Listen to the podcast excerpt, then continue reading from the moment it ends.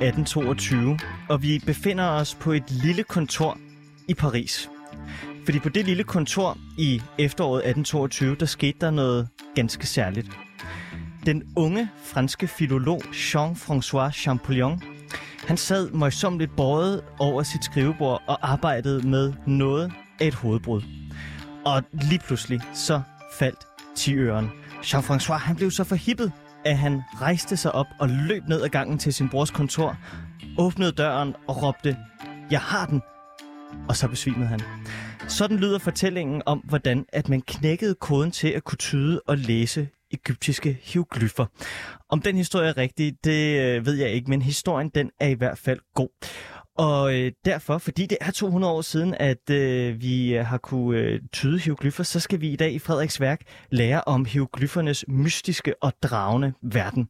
I dagens program, der skal vi simpelthen igennem egyptologiens fascinerende verden, og også høre lidt om, hvorfor vi her i Danmark i mere end 400 år har forsøgt at knække koden til Ægyptens gamle civilisation. Det er med andre ord blevet fredag, og du lytter til Frederiks værk her på 24.7. Mit navn det er Frederik Vestergaard. Rigtig hjertelig velkommen til.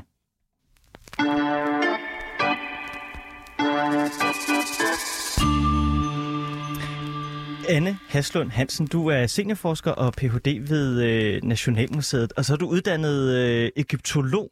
Og jeg har simpelthen glædet mig så meget til, at du skulle øh, komme her i dag, jeg har længe let efter en øh, god undskyldning til at få en egyptolog i studiet, så jeg er virkelig glad for, at du ville tilbringe din fredag eftermiddag herinde sammen med mig. Tak. Jeg skal lige øh, høre dig, øh, når vi nu går i gang her, altså den her historie om Jean-François Champollion, som besvimer da han finder ud af, hvordan man kan læse hieroglyffer. Er den historie rigtig? Ved vi det? Jeg har i hvert fald også hørt den fortalt, øhm, og jeg kan godt forstå, hvis han har jo sikkert siddet længere glemt at spise, og hvad ved jeg. Men han havde også virkelig gjort en meget vigtig opdagelse, som mange andre før ham ja. havde kæmpet med. Så, øhm, og det siger måske også noget om hans selvsikkerhed, at han, han var jo meget talentfuld, og øh, når han havde den, så havde han den altså. Ja, så du tror godt, at man kunne blive... Altså, fordi er det sådan ligesom et, et eureka-øjeblik, som da man finder ud af graviditet... Øh, graviditet, undskyld. Øh, det er fordi, jeg tænker på gravity. Øh, hvad hedder det nu? Tyngdekraft, pokker. Er det sådan på det niveau, rent sådan videnskabs gennembrudsmæssigt? Altså du tænker på, altså man kan sige, man beskriver selvfølgelig altid store videnskabelige opdagelser på en måde, sådan, så de fænger ligesom Newton, der får æblet i hovedet. Ikke? Ja. Og han har nok tænkt en tanke, før han fik det æble i hovedet. Men, øhm, men jeg, jeg synes, det er en god fortælling. Ja. Øhm, og han glæder sig selvfølgelig også til at fortælle det til nogen, og det var så præcis det, han gjorde. Han offentliggjorde jo sine resultater. Ja. Jeg har jo øh, også glædet mig rigtig meget til, at du skulle komme herind i dag, Anna, af den årsag af, at du kan læse og skrive hieroglyffer. Det synes jeg er helt vildt. Altså, jeg har det sådan lidt ligesom om, at, at når man har en egyptologisk studie, der kan det, så er det sådan lidt ligesom at stå med en astronaut, der har været øh, ude i, øh, i rummet, fordi jeg har sådan en idé om, at du besidder sådan en videnskabelig superkraft, som ganske få mennesker er i besiddelse af. Altså den evne at kunne læse hieroglyffer. Er det sådan, du har det i din hverdag? At du føler, at du går rundt med en ganske særlig evne, som ganske få kan, men rigtig mange vil altså gerne vil have. Ja, ja. Øhm, altså man kan sige, det er selvfølgelig altid noget, der kan tage lidt kejler, at man ligesom siger, jeg kan faktisk læse det. Jeg vil skynde mig at sige, at det i mit daglige arbejde er det egentlig ikke sådan, at jeg som Champollion sidder og bøjet over, Nej, nej. over tekster. Det er der andre i Danmark, blandt andet ude på Københavns Universitet, der måske er, de er måske mere spidsen, end jeg er. Men, øh, men det har jo selvfølgelig givet mig en ballast kvæg, at når jeg læser ting om det gamle Ægypten, så kan jeg faktisk, fordi jeg har i hvert fald haft en træning i at læse hieroglyffer, så kan jeg jo efterprøve de originale tekster frem for at stole på, hvad nogen har oversat dem til. Og det synes jeg er en god kvalitet at kunne have. Og øh, jo, altså børn synes som regel også, at det er rigtig sjovt, undskyld. Men, men ellers, øh, ja, yes, det er en Ja. god ting at kunne til et middagsselskab. Ja, det er noget, der øh, altså, folk bliver imponeret over, ikke? Jo, jo, og så er der jo også det der med, at man har jo stadigvæk en, en forestilling om, at hieroglyfferne indeholder et eller andet hemmeligt, og det Ja. ja. går jo faktisk helt tilbage til tabet af evnen til at læse hieroglyffer, som skete lang tid før Champollion prøvede at tyde dem, og så den her ligesom forestilling om, at hvis man tyder dem, så vil man få store hemmeligheder at vide. Ja, det her med, at, øh, at, at der er sket et tab af evnen til at læse hieroglyffer, det skal vi vende tilbage til. Men øh, jeg kunne godt tænke mig, at vi øh, lige fik nogle, øh, nogle ting på plads, inden vi, øh, vi sådan kaster os ud i at læse øh, hieroglyffer. Kontekst er altid dejligt og fordrer for øh, endnu større begejstring, når man så går i gang.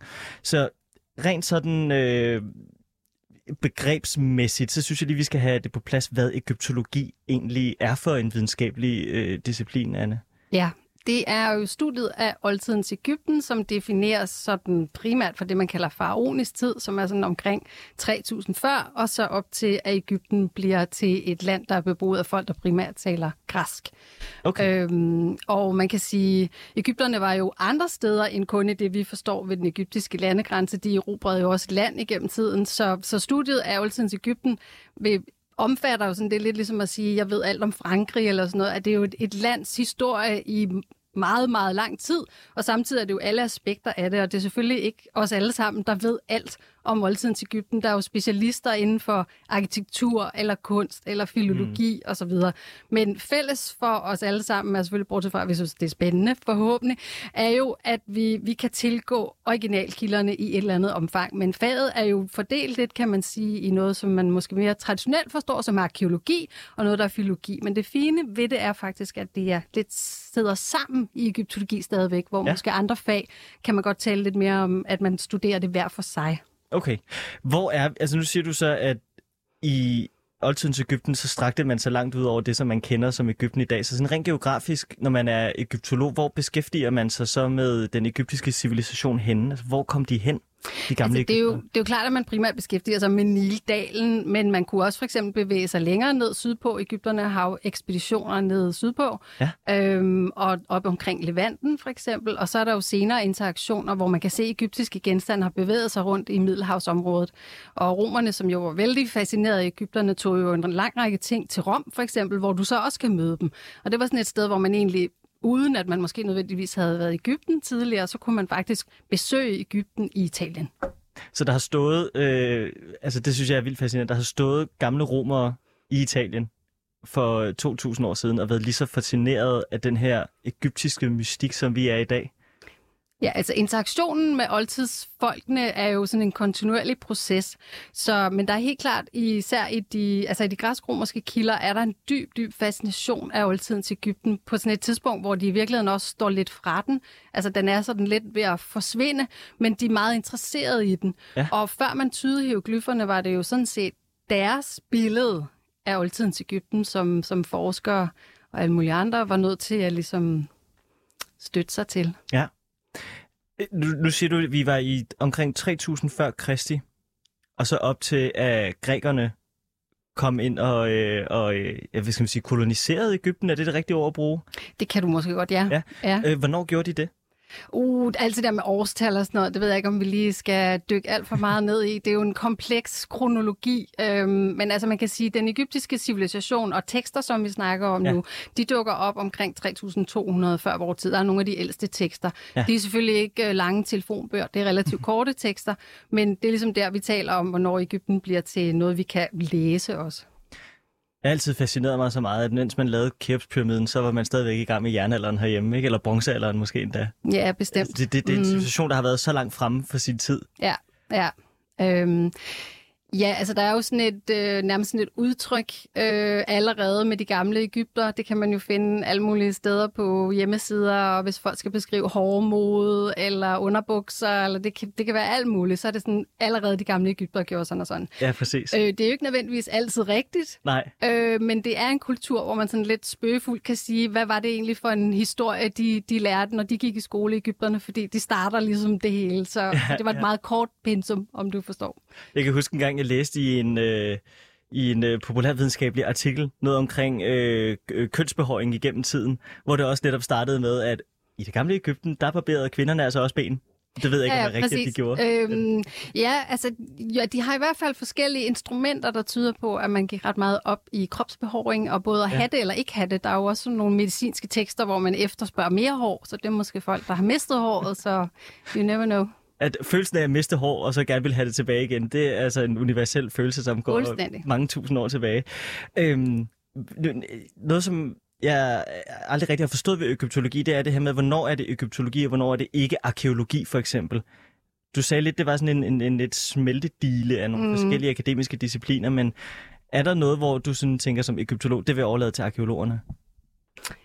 Mm, Nej, sådan vil jeg egentlig ikke se det, men der er jo forskellige traditioner måske. Altså, man kan jo studere egyptologi eller Ægypten mange steder i, i verden, inklusive Ægypten selv.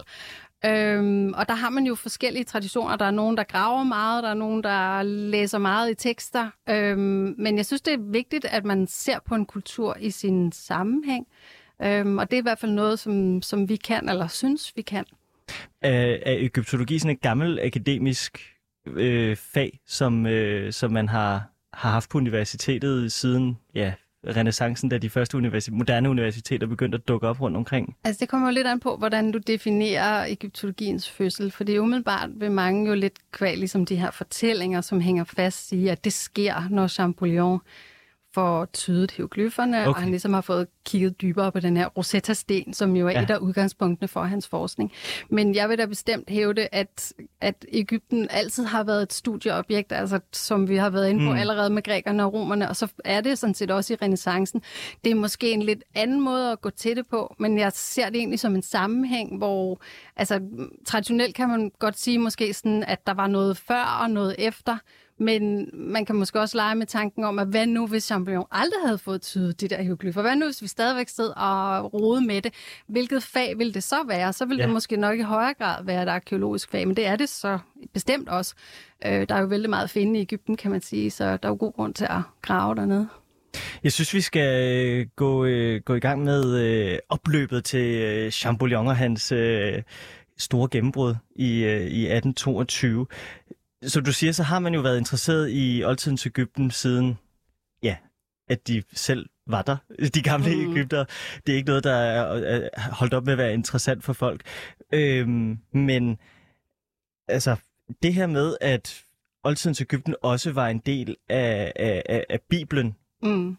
det tænker jeg må være meget vigtigt i forhold til at sørge for at få holdt øh, Nordeuropa og de kristne interesseret i landet. Mm. Eller hvordan?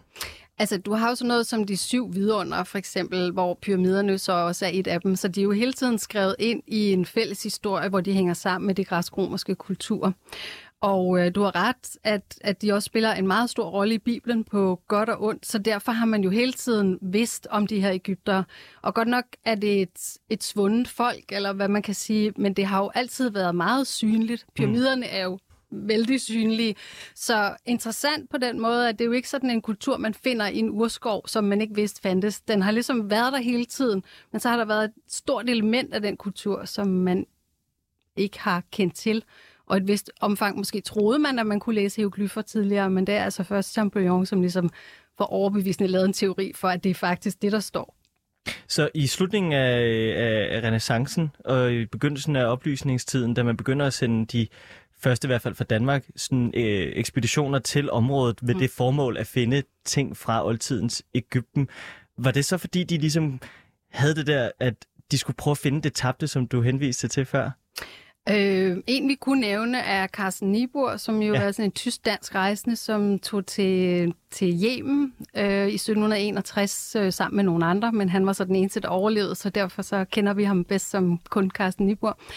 Øh, de skulle jo egentlig til Yemen, og et af de spørgsmål var egentlig, at man gerne ville besøge nogle lokale dernede for at høre det sprog, de talte, for at man så kunne finde ud af nogle passager i Bibelen. Mm. Øh, og relationen imellem hebraisk og arabisk var jo kendt på det tidspunkt. Øhm, og så var der sådan forskellige diskussioner om, hvilken vej de skulle rejse, men da det så viste sig, at de ligesom skulle til Ægypten, og de skulle hen over Sinai-halvøen, så eksploderer alle de her spørgsmål, som man gerne vil have svar på. Øh, det bliver sådan tårner sig op ved siden af dem i papirbunker, fordi der er så mange spørgsmål knyttet til det område. Altså blandt andet omkring israeliternes vandring på Sinai-halvøen, og hvad skete der egentlig, og hvordan skilte Moses vandene.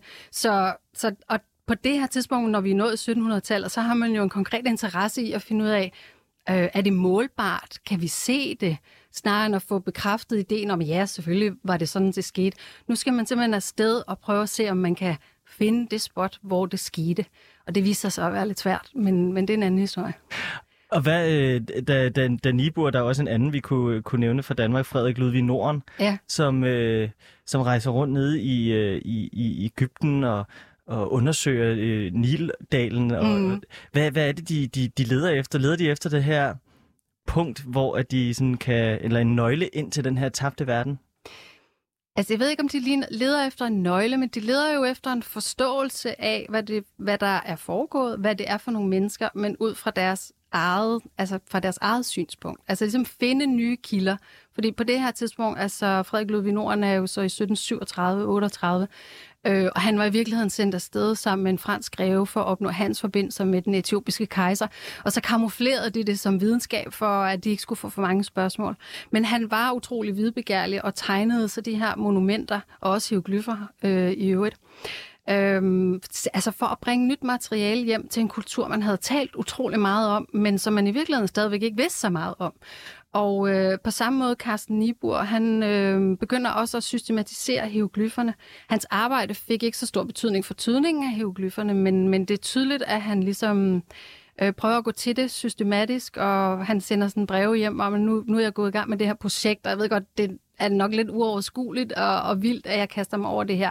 Men jeg sørger for, at der kommer nogle kilder hjem, og måske kan de få en betydning.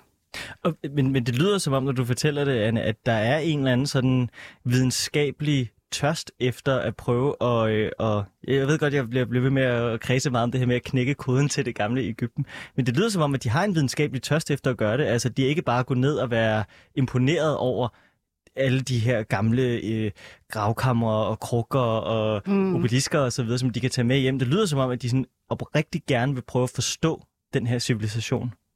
Ja, og igennem den vil man jo ligesom kunne få viden til, hvad man stadigvæk i 1700-tallet anså som en af de vigtigste bøger, hvis ikke den vigtigste, nemlig Bibelen, som jo har haft så stor betydning også for den vestlige civilisationsudvikling.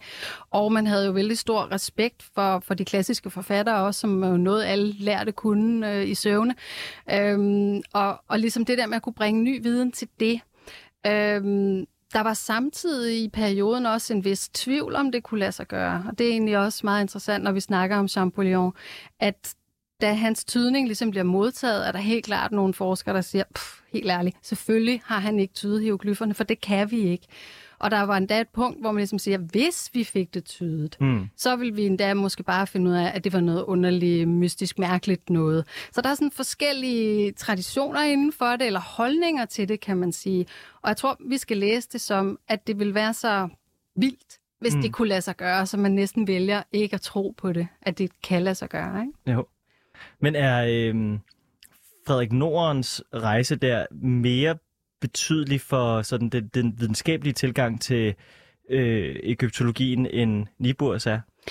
Det er altid svært at sammenligne, fordi folk har jo forskellige praksiser, som, men, men Norden var meget flittig og meget dygtig. Øhm, og på den måde fik han lavet vældig mange tegninger, som man faktisk kunne bruge til noget. Altså han kunne tegne, for det er jo fint nok. Øhm, han havde en, en englænder, som han konkurrerede lidt med, som egentlig foretog noter og observationer, og så tog han hjem og tegnede. Og hvis man ser forskellen på de to rejsendes måde at gøre det på, så er Norden meget, meget mere præcis, fordi han jo faktisk tegner for de monumenter, han ser, hvor den anden gør det ud fra en beskrivelse af de monumenter, han har set. Okay. Øhm, og, og Norden er så altså, han er også meget systematisk. Det er jo sådan en tur op og ned af Nilen, øhm, og nogle gange kan han komme i land og studere det lidt nærmere, men ellers så sidder han så på sin nilbåd og tegner de monumenter, han kan se.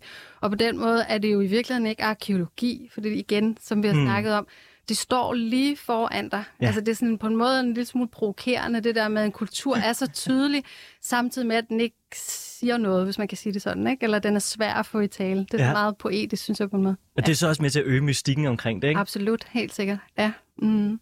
Har det også været lige så, øh, så, så øh, utroligt for, øh, for Norden, når han har kommet i kontakt med de her øh, ting, han tager med hjem til Danmark, som for eksempel, når du står med nogle af de ting inde på Nationalmuseet nu? Eller er noget af den der mystik ligesom forsvundet lidt i takt med, at vi ved mere? Øh, altså, det er, jo, altså, det er jo altid svært at sådan helt... Øh, nogle gange er det jo, hvordan, hvad føler folk i forhold til historie, ikke? Altså ja. det der med, at jeg synes, at Ægypten er fascinerende, fordi jeg synes, det er en meget, meget smuk kunst, de har, for eksempel. Det er sådan et personligt udgangspunkt. Men så kan jeg egentlig også godt lide det der med, at gamle kultur er sådan lidt hard to get. Altså, at de er faktisk sådan ligeglade med dig. De er bare sket for virkelig lang tid siden. Og hvis du prøver at tælle generationerne, så er du bare et lille, lille bitte menneske i en ja. kæmpe række af mennesker, der har levet efter dem. Og de står bare der Ikke? Altså helt perfekt, fuldstændig bevaret. Og det er op til dig at ligesom nærme dig dem på en eller anden måde. Ikke? Det kan jeg godt lide. Det er sådan meget arrogant. Ja, altså jeg ved ikke, jeg oplever det ikke som kulturen er arrogant, Nej, men jeg nej. kan godt lide, at de ligesom er lidt, Ja. lidt utilnærmelige, fordi jeg synes, det hjælper os til at få et enormt perspektiv på, altså hvad der er sket i verden, Ja. og at det er måske meget spændende med alt muligt, der sker lige nu, men så får du den der sådan nærmest afgrundsdybe sådan wow-oplevelse ja. af det, der er sket før. Det gør jeg, men altså, det, I stedet for de der kedelige grækere og romere, der har skrevet alting ned, som vi stadigvæk kan læse i dag. Ja, altså nu kan vi jo heldigvis også læse Ægypterne nu, ikke? Og, og der er jo ingen kultur, der egentlig er, er kedelige, men vi kan jo alle sammen have vores darlings, noget vi bedst kan lide, ikke? Jo. Og nu er jeg så endt på det, men... Øh, Nå, men det er jo lidt det samme med for eksempel vikingetiden. Ikke? De skrev jo heller ikke rigtig noget ned, så derfor så, i hvert fald ikke på samme måde, så derfor så, hus er det så mystisk, hvad der skete i de der år i, i, i Norden, i forhold til, hvad der skete i, i, i, Rom eller i, i ja, Ægypten mm. og Grækenland, fordi mm. det er ligesom dokumenteret. Det var det jo ikke i Norden på det tidspunkt, Nej, så derfor nej, så er der men- den der mystik. Men det, men, men det kæmpe spring er jo så igen omdrejningspunkt Mm. omkring Champollion. Det er, at jo, det var mystisk, men da vi så fik tydet hieroglyferne, så viste det sig jo, at det handlede om alt muligt, fra, fra guder til indkøbslister og jura og jord og alt muligt. Øhm, det er jo meget, meget alsidigt. Der er jo ligesom nærmest de samme tekster, som vi har i dag, bortset fra måske i aviser, ikke? Men Men øh, inde på Nationalmuseet, som jo ikke i sin nuværende form, men som har eksisteret i omkring 400 år, øh, der er noget af det første, I har inde hos jer, det er noget fra oldtidens øh, Ægypten. Er det ikke rigtigt? Altså, øh, Nationalmuseet er jo i dag også et museum, der fagner hele verden, kan man sige. Mm. Du kan jo nærmest besøge en hver kultur og Danmark i tid og rum. Øhm, og det er egentlig en idé, som opstår tilbage i nærmest i renaissancen, at man gerne vil have de her universelle museer eller universalmuseer. Og Ægypten spillede i, i den dimension ligesom rollen som noget, noget fjernt og eksotisk, men samtidig noget, som var en del af den historie, som man selv var en del af. Øhm, og de genstande, vi har, er jo så nogle, der er indsamlet igennem 400 år. Nogle af dem ved vi ikke, hvordan er kommet til, og andre har jo en tilknytning til meget berømte personer, som for eksempel Nibor eller Norden, og der er også øh, Ole Worm, som jo havde sit eget museum, som er sådan et, i hvert fald inden for den gruppe videnskab, sådan en museumshistorie, meget, meget kendt museum, som han havde i 1600-tallet. Og der var også en, en egyptisk krukke og en lille egyptisk figur, fordi det hører ligesom bare med til, Ja, ja, ja. ja. til det her. Så kan der så også være noget fra Indien eller Kina, eller det, det kan være så meget, men de gamle kulturer er altid med i den her fortælling om, hvem vi selv er. Hvordan har de, øh, for eksempel Frederik Norden, hvordan har han fået ting med hjem fra, øh, fra Ægypten til, øh, til, til, til Danmark? Fordi jeg går ud fra, at han jo ikke på det tidspunkt havde nogen måde at kunne vide, at, at det ikke var en, en, en turistkopi, han havde fået fat i, men altså den ægte vare. Altså, han er lidt sjov på den måde, at, øhm, at han har faktisk kun én genstand, som vi kender til, som han havde med hjem. Han havde en masse tegninger, og, øhm, og han skriver, altså, der er også et billede af den her genstand som sådan en krukke til indvolde, og der står sådan nede under øh, billedet sådan en krukke, som jeg har haft med hjem fra Ægypten. Så, så er vi sådan helt mm. klare på det. Og den findes så inde på Nationalmuseet. Men det, han egentlig tog med hjem, det var i virkeligheden meget mere hans tegninger. Øhm, under den arabiske rejse med Carsten Nibur mm. kommer der mere med hjem. Og det vi kan se om det, det er, at vi skal ikke forestille os, at de selv var ude med spade og skovl. Der var allerede på det tidspunkt en omfangsrig handel med antikviteter, også i Ægypten, som de lokale faciliterede, fordi der var vestlige, vestlige ja. personer, som gerne ville have dem. Øhm, så på den måde kan du have fuldstændig ret i, hvordan kunne de vide, om det var ægte eller ej. Det kunne de nok ikke, men der var meget at tage af, kan man sige. Øhm, altså, så kommer det jo så hjem og bliver studeret, og så har man så også siden fundet ud af, at nogle mumier måske ikke var helt så ægte, som man troede, de var. Ikke? Men ja, Så man har ligesom øh, taget de her øh, ting med hjem og prøvet at, at, at, at tolke på dem. Og inden man læser hieroglyffer øh, i 1822, som Champollion gør, hvordan prøver man så at tyde dem? Øhm, ja, altså det er jo klart, at, at man kan se, at der foregår et eller andet. Det er dækket af nogle tegn. Og hvad er de tegn så? Så har man så noget hjælp fra nogle af de antikke forfattere, som forklarer os, hvad er det for noget. Og der blev også opdaget i 1400-tallet, blev der opdaget en, en tekst, den dukkede op i et eller andet bibliotek, tror jeg, øh, som var en antik tekst, øhm, af en antik forfatter, som faktisk har en liste over hieroglyfernes betydning. Og der er det meget sådan, når man, øh, den her fugl, den betyder det, og, og det er sådan nogle meget sådan, det betyder sådan noget sådan evighed, eller det er sådan nogle lidt store begreber. Det er ikke sådan en sko og og hat, men mere sådan nogle lidt mere sådan filosofiske ting. Og ud fra nogle af de der tekster får man sådan en idé om, at hver tegn betyder et eller andet sådan meget, meget stort, og så er det sådan på en måde sådan en rebus, man så skal læse. Og det Champollion fandt, så ud, han fandt ud af, at det forholdt sig på en, på en helt anden måde. Øhm, men han var jo så ikke alene om den opdagelse, der er jo andre, som også samtidig, så, så det han, han bygger jo også på, på forskellige sådan, observationer, men det var ligesom ham, der fik det sidste knæk. Jeg synes, vi skal prøve at, ja. at se på øh, øh, hieroglyferne og hvordan Champollion han, øh, han gjorde. For jeg så en video på YouTube, som British Museum har lavet, mm. hvor der sidder en øh, egyptolog, som skal prøve at forklare, hvordan han gjorde. Okay. Ud fra øh, Rosetta-stenen. Og det er ja. ikke fordi, jeg vil have, at du skal øh, verificere eller afkræfte det, som øh, forskeren fra British Museum han siger. Men øh, det lyder på mig som om, at Rosetta-stenen, det er den vigtigste nøgle for at forstå, øh, hvordan øh, hieroglyffer øh, og, og, og det sprog, det hænger sammen. Er det øh, sådan, det forholder sig, at Rosetta-stenen ligesom var nøglen til at læse hieroglyffer? Ja, øh, den var i hvert fald den måske vigtigste nøgle. Ja. Og, øh, den, Hvad er Rosetta-stenen? Ja, altså den bliver fundet i 1799, da franskmændene og Napoleon ligesom indtager Ægypten, og den hedder Rosetta-stenen, fordi den blev fundet i en by, som samtidig omtales som Rosetta. Så det er, ikke sådan, det er ikke noget, der står på den, det er bare navnet på det sted, den blev fundet. Og ganske kort tid efter, så bliver den jo så overtaget af englænderne, og de har sådan en lille kispus, og den ender jo så på British Museum. Den, øh, man var øjeblikkeligt klar over, at den havde betydning, fordi den har det her med, at den altså bruger forskellige skrift. Øh, og man kunne også relativt tydeligt se på den, at det nok var måske i hvert fald det samme, der stod, men med forskellige skrifter og forskellige sprog. Øh, så i virkeligheden prøvede franskmændene sådan at gemme den lidt, men det lykkedes altså for englænderne at, at, at finde den. Øh, den har i sin samtid været sådan en, en stele, kalder man det med, ligesom sådan en stenplade, og der har været et billede oppe i toppen formodentlig, og så øh, er der nogle indskrifter på, som fortæller, at det bla bla bla, og det her skal sættes op i nogle forskellige templer. Så i virkeligheden lyder det på teksten som om, at der skulle have været mange Rosetta-sten, Okay. øh, men man har så ikke fundet mange Rosetta-sten.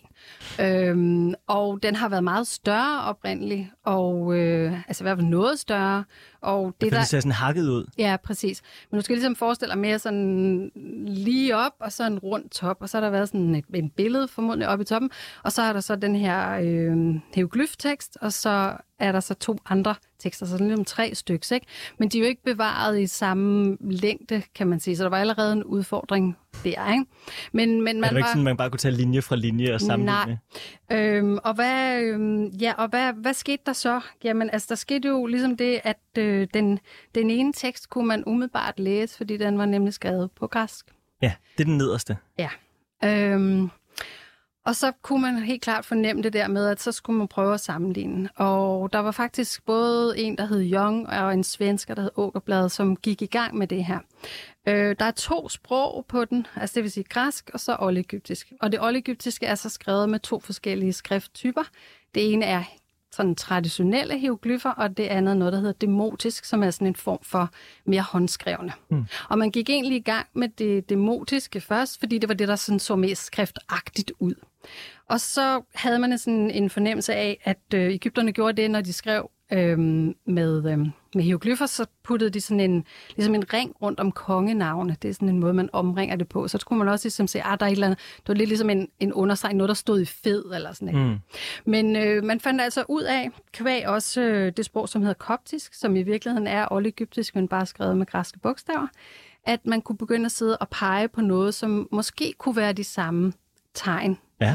Og, øh, og det gik så sådan lidt halvgalt, men, men, øh, men der var lidt sådan forskellige ansatser.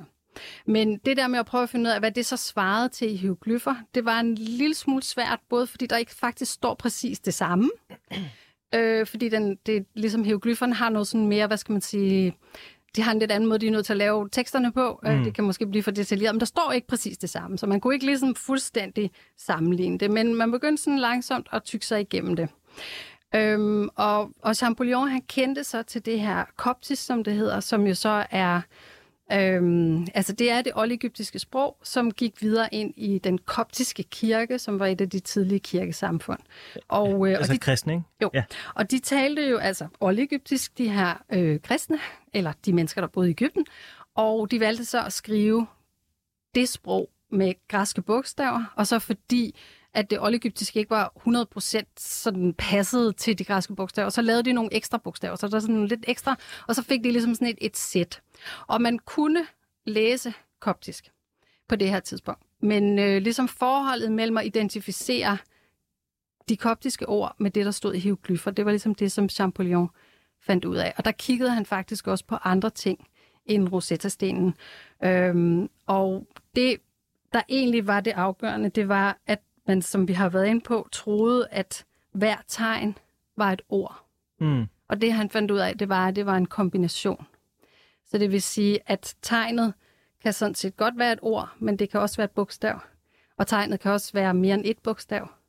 Øhm, så, så det der med, at man havde sådan en meget låst idé om, at det var enten eller. Og grund til, at han besvimede, var, fordi det gik op for ham, at det var både og. Okay. Ja. Så det er simpelthen det, han opdager? Ja. Ja. Ej, hvor vildt. Kort fortalt. Ja. Øhm, hvordan begynder man så ligesom at kunne øh, at udvikle hans tanker? Går man så bare i gang og, med at så sige, så nu har vi knækket koden. Nu tager vi alle de papyruser og sten og tavler, som vi aldrig har fundet ud af, hvad betyder, og så går vi bare i gang med at læse dem. Eller hvad, hvad, hvad er processen derfra? Ja, altså, samt, altså man kan sige, at Rosetta-stenen i sig selv havde i virkeligheden ikke særlig godt kildestof til at komme videre. Så han, altså det er blandt andet den her offentliggørelse, som han så laver i 1822, der trækker han også på andre monumenter. Og, øh, og han gør egentlig også det, han har en fornemmelse, og så begynder han ligesom at teste det mm. på, øh, på andre monumenter, og så er det ligesom sådan, så føler han sig mere og mere sikker, for han er godt klar over, at hvis han siger det her, og det nemt kan punkteres, så bliver han til grin. Så, øhm, så han har ligesom virkelig gjort sit forarbejde. Øhm, og så kommer han jo ligesom, der er jo et schema, hvor han forklarer, hvad svarer, hvad svarer den her hieroglyf så til. Og på det her tidspunkt, da han kommer med det her, er han jo altså overhovedet ikke færdig. Nej. Det er lige begyndt. Øhm, og ved modtagelsen er der også mange, som, som ligesom synes, at, at det holder der overhovedet ikke vand, det der, og det er totalt weird. Og helt op i 1850'erne diskuterer man egentlig, hvordan det hænger sammen. Det er klart, at jo flere kilder man får, jo, jo bedre bliver grundlaget. Det er klart. Øhm, og så skal jeg også skynde mig at sige, at, at det er jo ikke sådan, at, at at alle egyptologer i verden er enige om, hvad der står i en tekst i dag, for det er jo præcis ligesom man kan diskutere så mange andre ting, hvis man læser litteratur, eller mm. hvad ved jeg. Hvad, hvad, altså, hvordan skal vi lige præcis forstå det her? Der er jo også forskellige grammatiske skoler, altså der er jo stadigvæk nogen, der kommer ud med teorier om, ah, jeg tror nu altså faktisk, at vi skal forstå det her på denne her måde. Så det er stadigvæk en levende forskningstradition. Øhm, Ægypterne har jo ikke efterladt os sådan på den måde en forklaring til det. Nej. Øhm, men, men altså, der er ikke nogen tvivl om, at hieroglyferne er tydet, men det betyder jo ikke, at vi forstår alt. Nej. Skal vi ikke prøve at kigge ned i, øh, i, i, i teksterne, Anne? Ikke fordi jeg, du har taget papyrus med. Det, det, det tror jeg ikke, man må. men nej, men dem har jeg lavet. Du har jo taget en, en kæmpe bog med. Ja. Som øh, ser ud til at veje mange kilo. Og er meget slidt, så jeg ud for, at du har brugt den meget. Jamen, det er rigtigt. Altså nu er det jo godt nok, må jeg blankt indrømme, nogle år siden jeg selv øh, sad med min øh, hieroglyf-grammatikbog og tog første time i det. Øhm, så det er sikkert nogle andre, de bruger, men det her er i hvert fald en klassiker, som øh, er en, der hedder Gardner, som har lavet den her øh, grammatikbog. Og, øh, og det vi egentlig skal forstå ved den, det er selvfølgelig den meget pædagogisk, ligesom når man skal ja. lære sin ABC, så begynder den jo med noget, der er nemt. Og han har faktisk også valgt nogle hieroglyf-eksempler eller nogle sætninger, som han faktisk har lavet, fordi at det oldegyptiske sjældent er sådan, pigen og drengen gik en tur i haven. Øh, han var nødt til at lave nogle simple sætninger, som man ligesom der kunne starte ikke med. på øh, øh, altså det, man kan sige, der har været sådan, vi har jo fundet tekster, hvor, hvor folk, der har skulle lære at skrive, har ligesom siddet og øvet sig. Ja. Øhm, men, men for at, ligesom, at man kan gå til det, og jeg tænker også, at man skal have sådan lidt en optursfølelse, det får man meget hurtigt, fordi man kan for eksempel lære alfabetet ret hurtigt. Og det kan man godt. Øh, men der er jo omkring 900 tegn alt i alt, og Hold så op. lidt senere, så bliver det helt vildt. Men 900 tegn er virkelig ikke så meget i forhold til nogle asiatiske sprog, Nej, nej. uden at jeg er ekspert på det. Øhm, men øhm, så kan man sige, at man starter blødt og stille og roligt, og man får ligesom forklaret, og sådan hænger det sammen. Og så, den her bog er jo flere hundrede sider lang, og så er den i virkeligheden sådan en lang nedbrydelse af, at det er så nemt at forstå, fordi det er jo faktisk relativt svært. Øhm, og grund til, at det er svært, er jo fordi, at det ikke er øh, fugl plus fugl af lige med bæver, men at det faktisk er et rigtigt sprog. Ja. Øhm, og at ikke alle oldtidens Ægypter måske øh, fulgte præcis den samme grammatik, skrev på præcis den samme måde. Der er jo heller ikke nogen retstavning. Men, øhm, men det, man i hvert fald meget hurtigt finder ud af, det er, at det er et sprog, som har lige så mange nuancer, som, som når vi skriver noget. Så når du siger, at det er et rigtigt sprog, så mener du, der er nomenklatur, der er sætningskonstruktion, der er Okay. øh, nutid, datid, bøjninger, Altså verber, flertal, øh, alt det her. Ja. Verber er noget af det sådan mest omdiskuterede, øhm, men, men, øh, men altså, der er jo i hvert fald et rigtig stort vokabular, kan man sige. Ja. De har kunnet beskrive deres verden, og der er selvfølgelig også specialtermer, så det vil sige, hvis du er en, der er ekspert på jura, så har du de termer, og hvis du er en, der skriver religiøse tekster på kister, så er det nogle andre. Og når man begynder at læse dem, så dykker man jo ned i et enormt univers af hundredvis, hvis ikke tusindvis af forskellige guder og alt muligt, som jo alle sammen har hver deres navn Ja. øh, og fortolkning. Så det, Øhm. det skal bare lige, fordi øh, mm. det svarer lidt til, at hvis jeg går ind på øh, min sundhed og læser nogle af de øh, lægeskrifter, der er skrevet i min lægejournal, så kan jeg jo, selvom det er stadig på dansk, jo heller ikke forstå, hvad der står. Fordi de bruger så mange ord, jeg ikke kender, Ja, og det er stadig men- på det her meget lægelige sprog, ikke? Eller hvis jeg går ned og læser Karloff, så kan jeg heller ikke forstå juraen, fordi Nej, jeg er ikke jurist. præcis. Det er sådan lidt det samme, Præcis. selvom det er med latinske bogstaver. Og, øh, og der er sådan det der, du, øh, du får et brev, hvor du bliver bedt om at tage bekræftende til genmæle, eller sådan noget, ikke? og det er sådan sikkert et eller andet som jurister, sådan, ah, det er lige det, der skal foregå, og vi ja. andre står, øh, Ja. ja. hvad vil de nu, ikke? Ja. Øhm, og det er selvfølgelig også øh, rigtig praktisk for dem, der har de, de sprog, fordi de kan jo kommunikere hurtigere med hinanden. Og på samme måde har det jo været i oldtidens Ægypten. Og man taler selvfølgelig meget om, kunne alle læse og skrive? Nej, det kunne de Nej. helt klart ikke. Øh, men det er heller ikke sikkert sådan, at dem, der kunne læse og skrive, kunne alle de samme tekster, fordi de også var specialister inden for det. Og så kan man sige, at en trend i forskning i dag er jo så også, at i det hele taget at diskutere, øh, når man læser eller forstår sin verden, at den så kun skriftlig. Der er mange andre måder, man kan, mm. altså man kan sige, egyptisk vævning var højt teknologisk udviklet, men er ikke skriftligt funderet på samme måde. Så der er mange former for viden, skal jeg bare lige skynde mig at sige, for det er jo meget traditionelt at hænge tingene op på, at det er teksterne, der er det vigtigste ved en kultur. Ikke? Men øh, jamen ja, altså du har...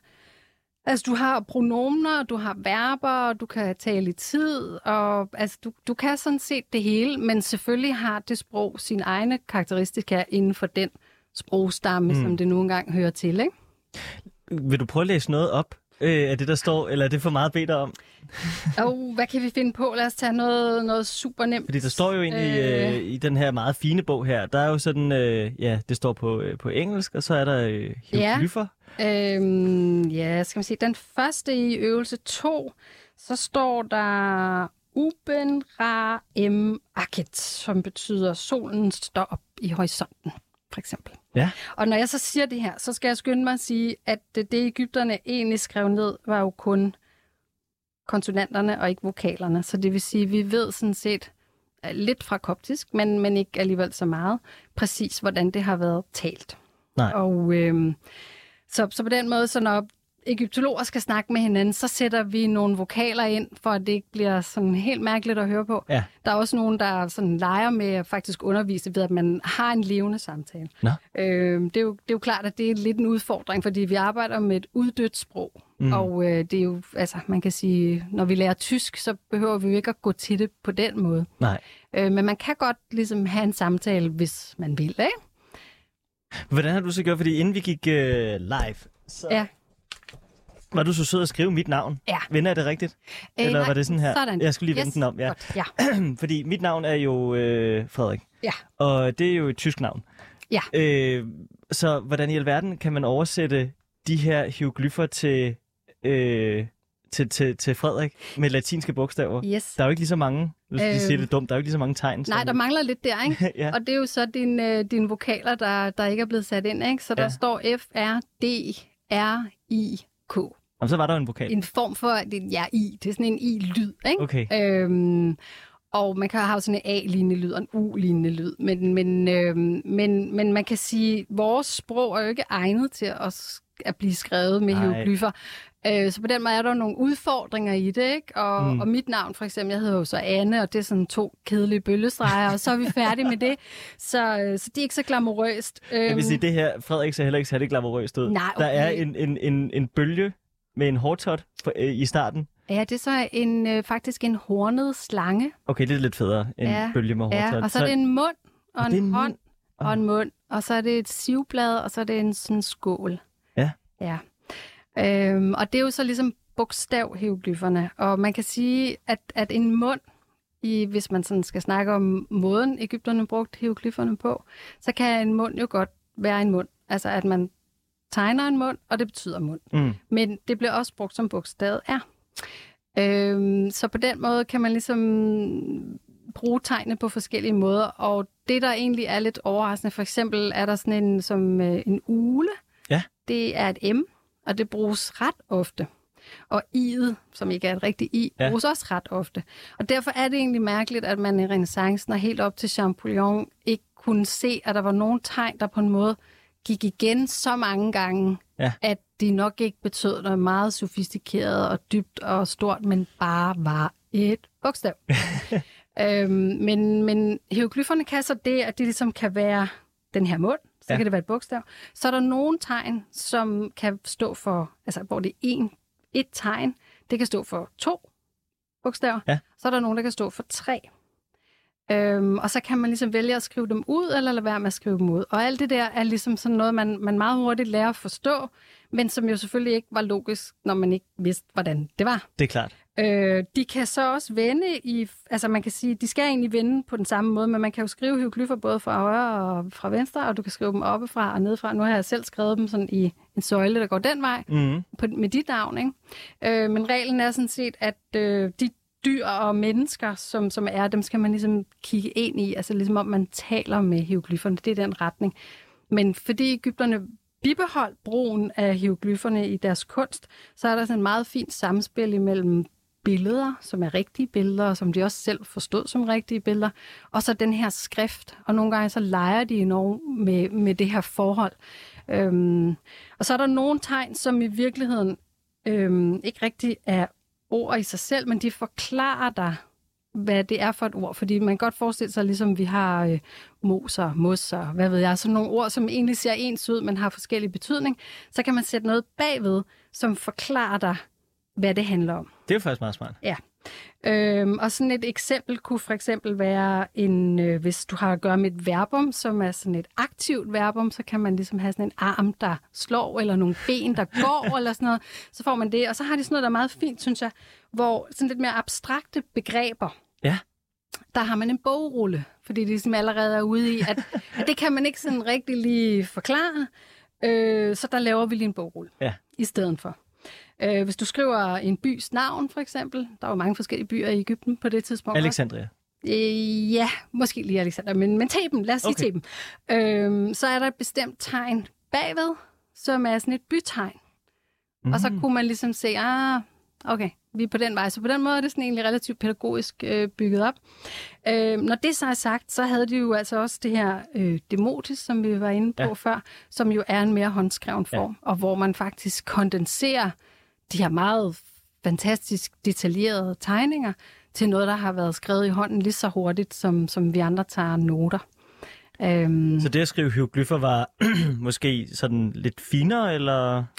det er knyttet til sådan, hvad skal man sige, noget, der måske er lidt mere ophøjet Mm. eller formelt. Og de sammenhænge kunne jo være ting, der var i templer, mm. eller ting, der var i grave.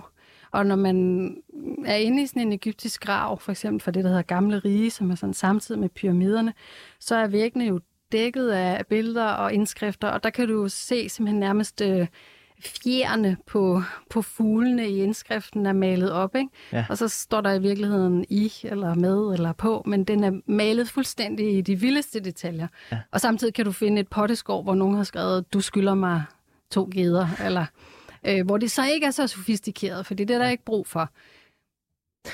Øhm, hvad hedder det? Øhm, har vi nogle eksempler på, at øh, det at kunne læse og tyde hieroglyffer efter 1822 har ændret på øh, vores opfattelse af nogle af de øh, skrifter, man har spekuleret meget i, skulle betyde noget, og så har vi lige pludselig fået en helt ny øh, opfattelse af, hvordan at oldtidens Ægypten hang sammen, fordi nu har vi fundet ud af, hvordan vi skal læse hieroglyfferne.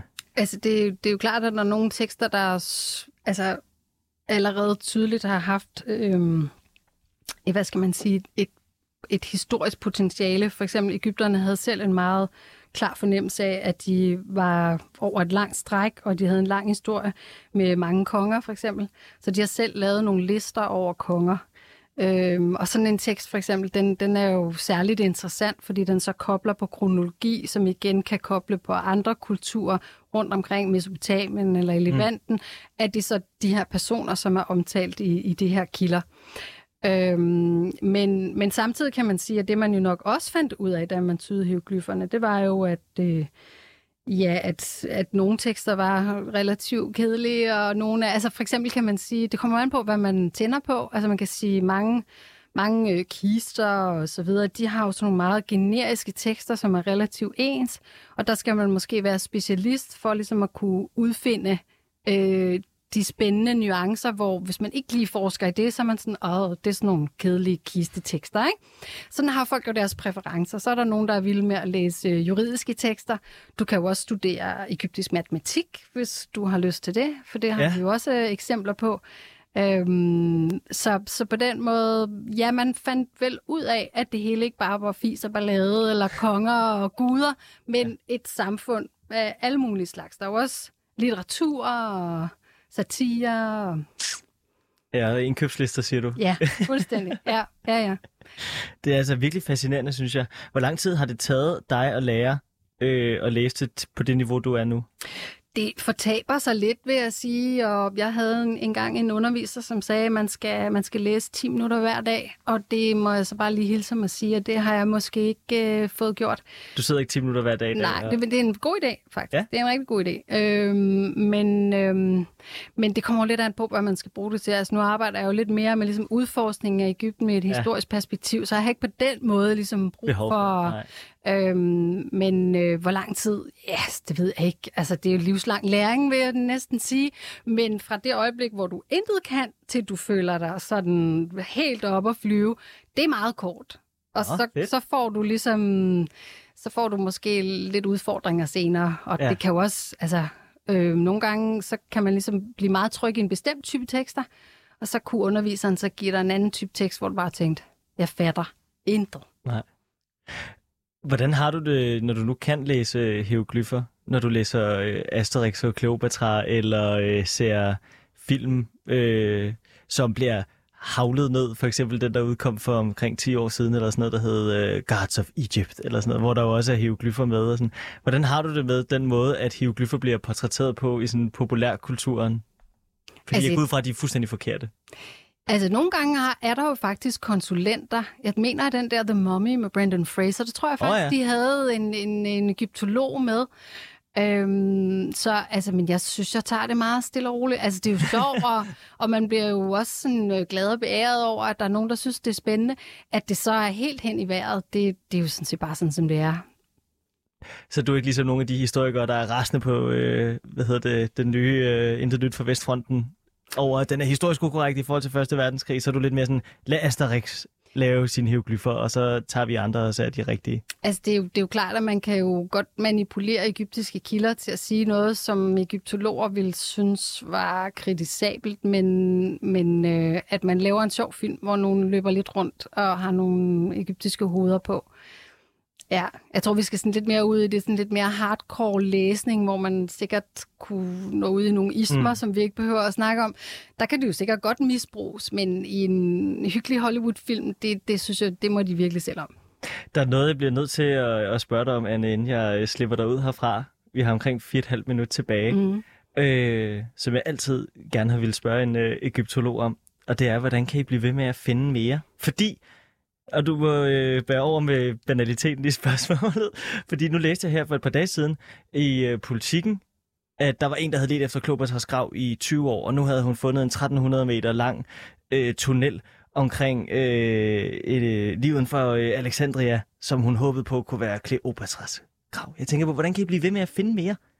Er alle øh, pyramiderne ikke udforsket? Hvordan kan man blive ved med at finde gravkamre og gemte byer, der er tilsandet? Og sådan? Mm, altså, man kan sige, øh, et andet berømt fund, som jo så har 100 års jubilæum, det er jo fundet af Tutankhamons grav. Oh, ja. Øhm, og der var det jo, fordi man ligesom havde nogle kilder, der indikerede, at der havde været en konge på det her tidspunkt, så øh, de blev ved, og de blev ved med at prøve at finde den her grav, og så, så var den der så, ikke?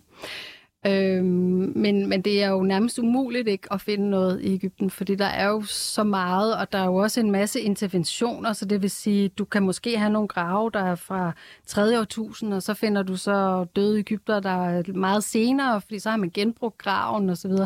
Øhm, der er selvfølgelig altid nogen, der gerne vil have sådan en sensationel øh, opdagelse, mm. og så sidder vi andre måske og tænker sådan, ja, lad os nu lige se, ikke? Ja. Øh, men det ville da være super fint, hvis, øh, hvis det var det, der dukkede op. Ja. Er der noget, du mangler at få svar på? Uha, den var tricky. Øh, nej, egentlig ikke. Altså på den måde. Øh, nej. Nej. Egyptologien, den har bare, den har det hele nu. Jeg tænker ikke på det som sådan et, et svar, men, men måske mere, meget, sådan meget mere facetteret. Mm. Altså, der, vi har jo masser af genstande på Nationalmuseet, som jeg glæder mig til at kigge nærmere mm. på. Og har jo også forskellige forskningsprojekter, som jeg er i gang med at dykke ned i. Øhm, men den svaret på livets store gåde, det, det vil jeg lade være op til andre kræfter. Det okay. tænker jeg ikke, Ægypterne hjælper mig med. Øh, vi skal jo have det sidste million dollar øh, spørgsmål, som øh, vi startede øh, med, og, øh, og, eller som jeg sagde, vi skulle nå, inden vi sluttede. Og det skal vi så have nu. Hvorfor stoppede man med at skrive hieroglyffer? Hvordan døde det her sprog? Ja, altså det døde jo både fordi, øhm, at der kom et andet sprog, som i et vist omfang tog over, som jo var græsk. Og så døde det jo også fordi, øhm, at dem, der så talte egyptisk, brugte græske bogstaver. Så, så på den måde har man vel følt, at det var sådan... Altså, der er sådan også nogle antydninger af, måske, at fordi det var de her kristne, at man havde sådan nogle problemer med billedafbildninger, at hieroglyferne er sådan billedafbildninger. Jeg tror ikke, det sådan er helt den sådan gængse teori i dag. Og faktisk er det måske sådan lidt... Altså, det, det udfaser sig bare, men det udfaser sig så i så radikal forstand, at der ikke rigtig er nogen, som ligesom når at få det skrevet ned og fået lavet grammatikbogen, øhm, fordi den ligesom allerede var på vej ud på en eller anden måde. Ikke? Jo. Og bliver så knyttet til, at det er præsterne, der kan den her viden, og når man ligesom er præst, så er man allerede sådan esoterisk og mystisk, og det hele er sådan lidt hemmeligt. Så... Men det var i hvert fald det, der skete. Jeg kan bare ikke komme i tanke om noget så stort civilisationsmæssigt som, som det gamle Ægyptens skriftsprog, som bare sådan er ophørt, og så ja. har man mistet nøglen mm. til det. Altså, du, du ser jo ligesom netop præcis som Rosetta-stenen, hvor der er forskellige systemer i gang samtidig. Ja, ja. Øhm, og så må du ligesom bare forestille dig, at det, det langsomt udfases ja. på en eller anden måde, øhm, desværre. Ja. ja. Men jeg har været virkelig glad for, at du vil have ind, Anne. Ja, men jeg og lære mig om, øh, om hieroglyfferne. Ja, det er noget, jeg har, jeg har spekuleret længe på det. Ja, altså du er øh, kun meget kort ind i din første lektion, vil jeg sige. Så, så. Jeg håber, du holder nogle workshops på Nationalmuseet. Jamen, det skal jeg gerne gøre. Hvor man kan komme. Ja, meget gerne. Det vil jeg gerne komme til. Anne Haslund Hansen, fra øh, seniorforsker fra Nationalmuseet. Tusind tak, fordi du vil være med. Og en opfordring til at gå ind og tjekke alle de gamle egyptiske sager på Nationalmuseet og øh, andre steder. Der er også biblioteket. Der er meget. Mm. Det er en kæmpe verden, der åbner sig. Tusind tak, Anne.